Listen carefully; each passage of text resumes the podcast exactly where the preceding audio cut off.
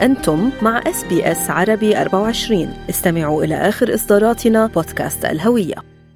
السيارات الكهربائية اللي عم تتضاعف على الطرق الأسترالية تقريبا خلال العام الماضي حيث ارتفع من 44 ألف سيارة ببداية عام 2022 لأكثر من 83 ألف. بين 83 ألف سيارة ذكرتهم كريستال.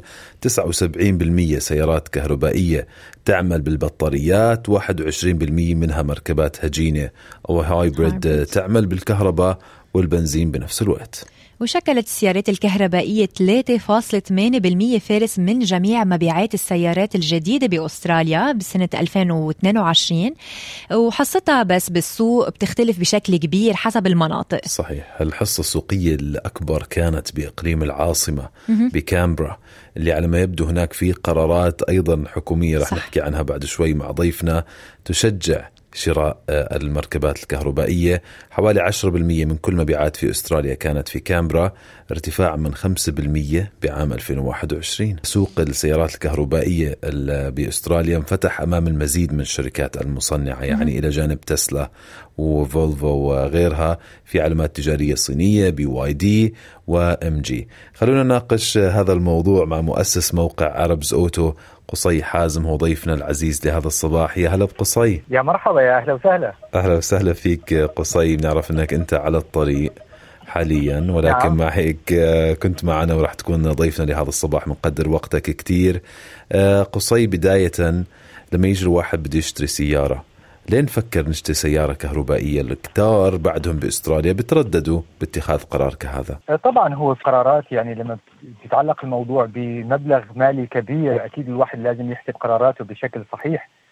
آه، بس القرارات ممكن تختلف من شخص لآخر. ممكن الناس يكونوا بيحبوا يحكوا عن آه، نفسهم اولا بأنهم بيحبوا الطبيعة وممكن يكونوا بيحبوا الطبيعة بيهتموا بالانبعاثات فعليا وحابين إنهم يشاركوا في تقليل الانبعاثات. فهذا واحد من الأسباب آه، المهمه السبب الآخر إنه السيارات الكهربائية مريحة بشكل أو بآخر آه، حول المدينة. يعني القيادة آه، حول المدينة بتكون ألطف وأسلس وبضجيج أقل مقارنة بالسيارات العاملة بمحركات الاحتراق الداخلي.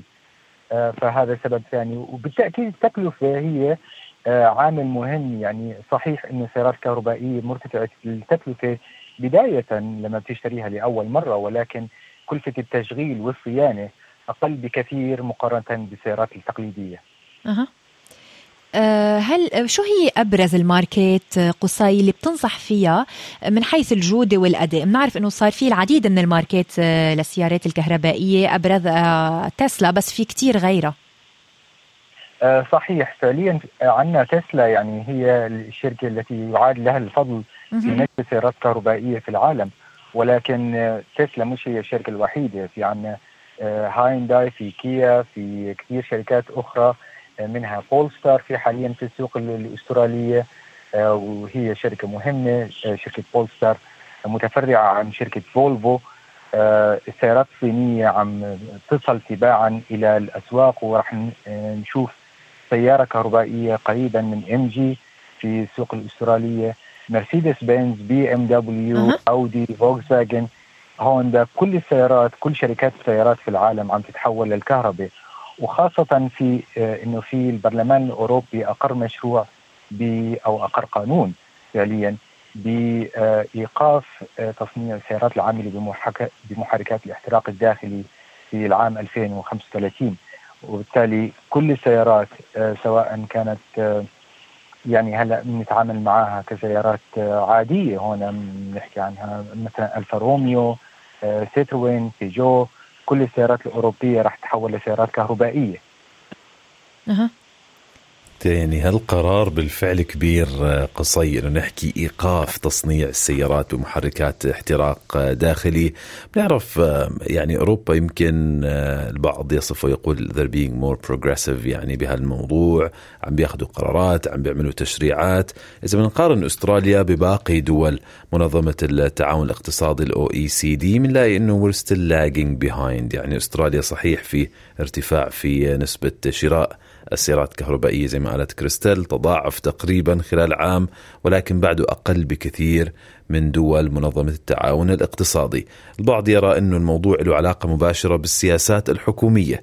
شفنا ب 2022 بنوفمبر كان في إعفاء ضريبي حوالي 12 ألف دولار حتى يشجعوا الناس يشتروا سيارات كهربائية ولكن بعرف قصي أنت آه، من واقع يعني عملك وحتى تأسيسك لهالموقع الإلكتروني arabsauto.com آه، بهمك تطلع على الحكومات كيف تتعامل مع هذا الموضوع إحنا وين اليوم بأستراليا برأيك؟ صحيح والله هو يعني في في إقبال من الشعب الأسترالي على شراء السيارات الكهربائية وفي قوانين من الحكومة تساعد على اقتناء السيارات الكهربائية.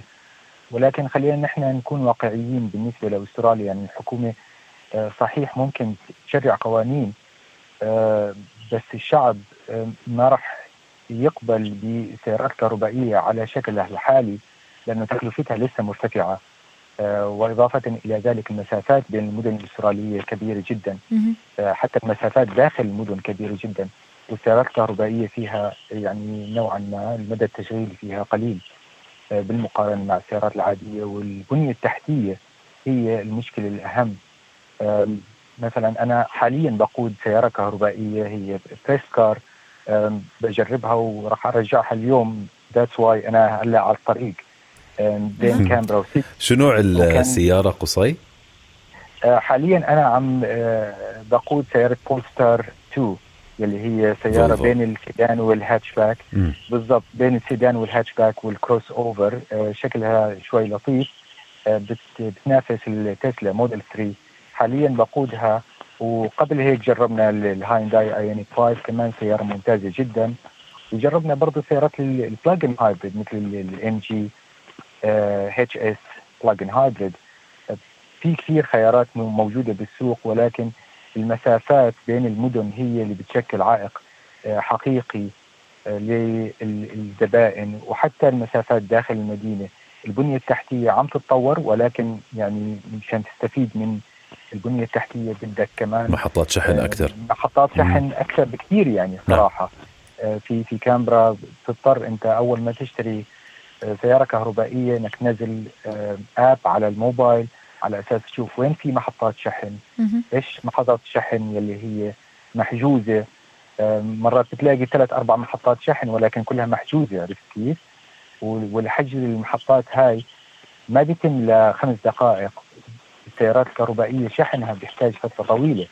وبالتالي قد إيه تقريبا يعني, يعني قصي وقت الشحن واللي بيختلف حسب نوع السيارة؟ لو بدنا نحكي ال mi ال mid mid-range يعني مش إنه تسلا أو إنه آه، أبسط سيارة كهربائية. قد إيه تقريبا بدها وقت شحن بضعة ساعات؟ طيب خل... خليني أحكي عن أفضل السيارات الكهربائية okay. يلي عم نشوفها حاليا. بيحكوا لك بالبيانات الصحفية لصانعي السيارات إنه بتحتاج حوالي 10 دقائق إذا بتشحنها 10 دقائق بيعطيك رينج 100 كيلومتر أه. هلا شحن البطارية بيختلف إذا أنت بتشحنها من من 50% مثلا بالمقارنة من, من لو تشحنها وهي فيها 80% بصير 80% ل 100% أبطأ عرفت كيف؟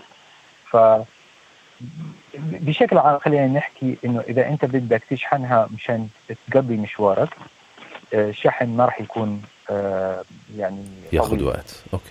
آه. حلو. في ذات الوقت إذا أنت بدك تشحن سيارتك من شاحن عادي أو من المنزل okay.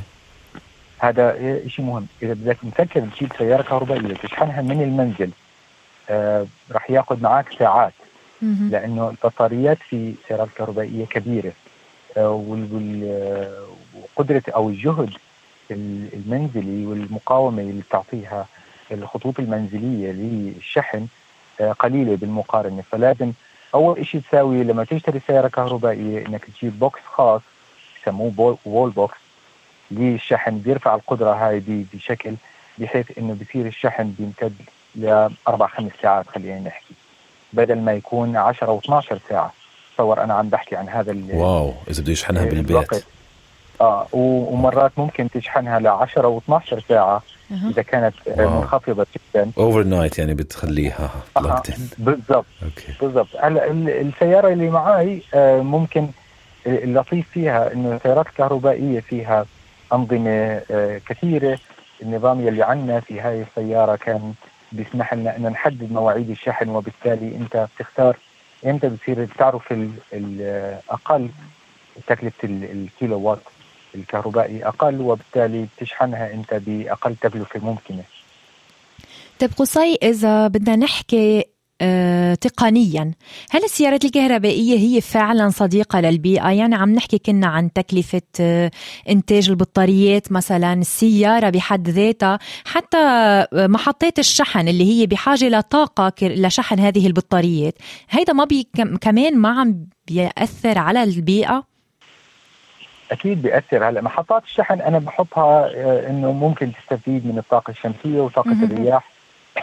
عفوا. آه، مثل في كثير آه، من دول أوروبا يعني صاروا يستخدموا هاي وحتى في أستراليا صاروا يستخدموا هاي الطاقة بشكل فعال. هلأ الموضوع ان السيارات الكهربائية نفسها صديقة للبيئة أو لا هي بيعتمد على طريقة تصنيعها. آه كمان مرة بضرب مثال في بالسيارة اللي أنا موجود فيها مثلا.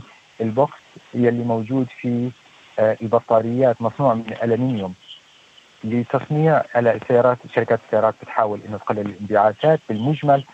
آه وبالتالي بولستار على سبيل المثال استخدمت الطاقة النظيفة لتصنيع الالومنيوم لل box البطاريات هذا.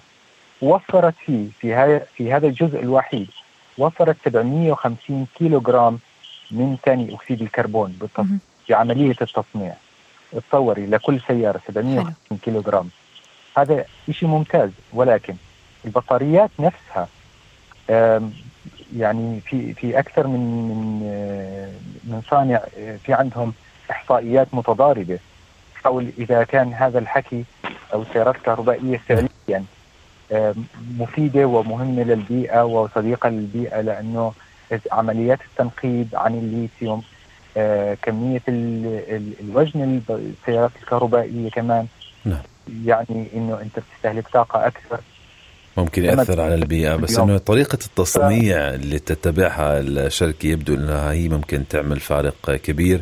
قصي أخيرا قبل ما نودعك يعني آه، خلينا نحكي من اللي عم بيسمعونا. بدهم يشتروا سيارة جديدة محتارين نعم. شو يشتروا نوع سيارة. خلينا نحكي لو بده يشتري سيارة كهربائية مش بالضرورة يعني top of the range قد تقريبا آه، بده يرصد ميزانية؟ إذا بده سيارة يعني ريلايبل وبتقدر تقطع مسافات طويلة وما تاخذ وقت طويل بالشحن. يمكن هلأ آه، بحدود ال ألف دولار أمريكي أنت ممكن تشتري سيارة كهربائية. أمريكي يعني حوالي 80 90 ألف دولار أسترالي ما, بعرف ليش طلع معي أمريكي أنا لأنه بالموقع عادة بحط آه، الدولار بالأسترالي والأمريكي. آه. فبضل بضل أحكي أمريكي. على كل حال بالدولار الأسترالي 60000 okay. في حدود آه، في فلك ال 60000 يعني بيكون في عندك خيار آه، جيد آه، بس في يعني زي ما أنت تفضلت في البداية ال plug-in hybrid برضه خيار موجود وهي مدرجة بالإحصائيات اللي نشرتها الدراسة على يلي تحدثت عنها. فال plug-in hybrid برضه خيار جيد برأيي. هي بتتيح لك إنك أنت داخل المدينة بالتنقلات اليومية. يكون عندك range بحدود ال 50 60 70 كيلو متر يعني بتقود السياره بشكل يومي على الطاقه الكهربائية. وبعدين إذا أنت بدك تسافر من سيدني لملبورن أو من ملبورن ل بالمدن تستعمل بنزين. آه بدك تنزل أسبوع على البحر أو what يعني بتلاقي إنه في عندك ال ال flexibility اللي بتوفرها السيارات العادية العاملة بمحركات البنزين. ف... لحد ما نشوف جهود لتحسين البنيه التحتيه ومحطات ف... شحن أكثر. كنصيحة مني وهذا قد يكون غريب نوعا ما كنصيحة مني الناس اللي عندهم سيارة واحدة اللي بدهم يشتروا سيارة واحدة للمنزل يشتروها plug-in hybrid okay. إذا عندك سيارة already وبدك تشتري سيارة ثانية ممكن تجرب بالسيارات الكهربائية. حلوة هاي النصيحة. يعني ما تكون السيارة الوحيدة عندك سيارة كهربائية على الأقل بهالفترة. تتغلب حاليا. في هاي في هاي السنتين القادمات راح تتغلب شوي. شكرا جزيلا قصي حازم مؤسس موقع أربز أوتو. حديث ممتع كان وشيق للغاية معك عن السيارات والكهربائية تحديدا. ورحلة موفقة بالسيارة الكهربائية اللي معك. شكرا شكرا. شكرا شكرا لك قصي. اضغطوا على ال like أو على ال share أو اكتبوا تعليقا. تابعوا إس عربي 24 على الفيسبوك.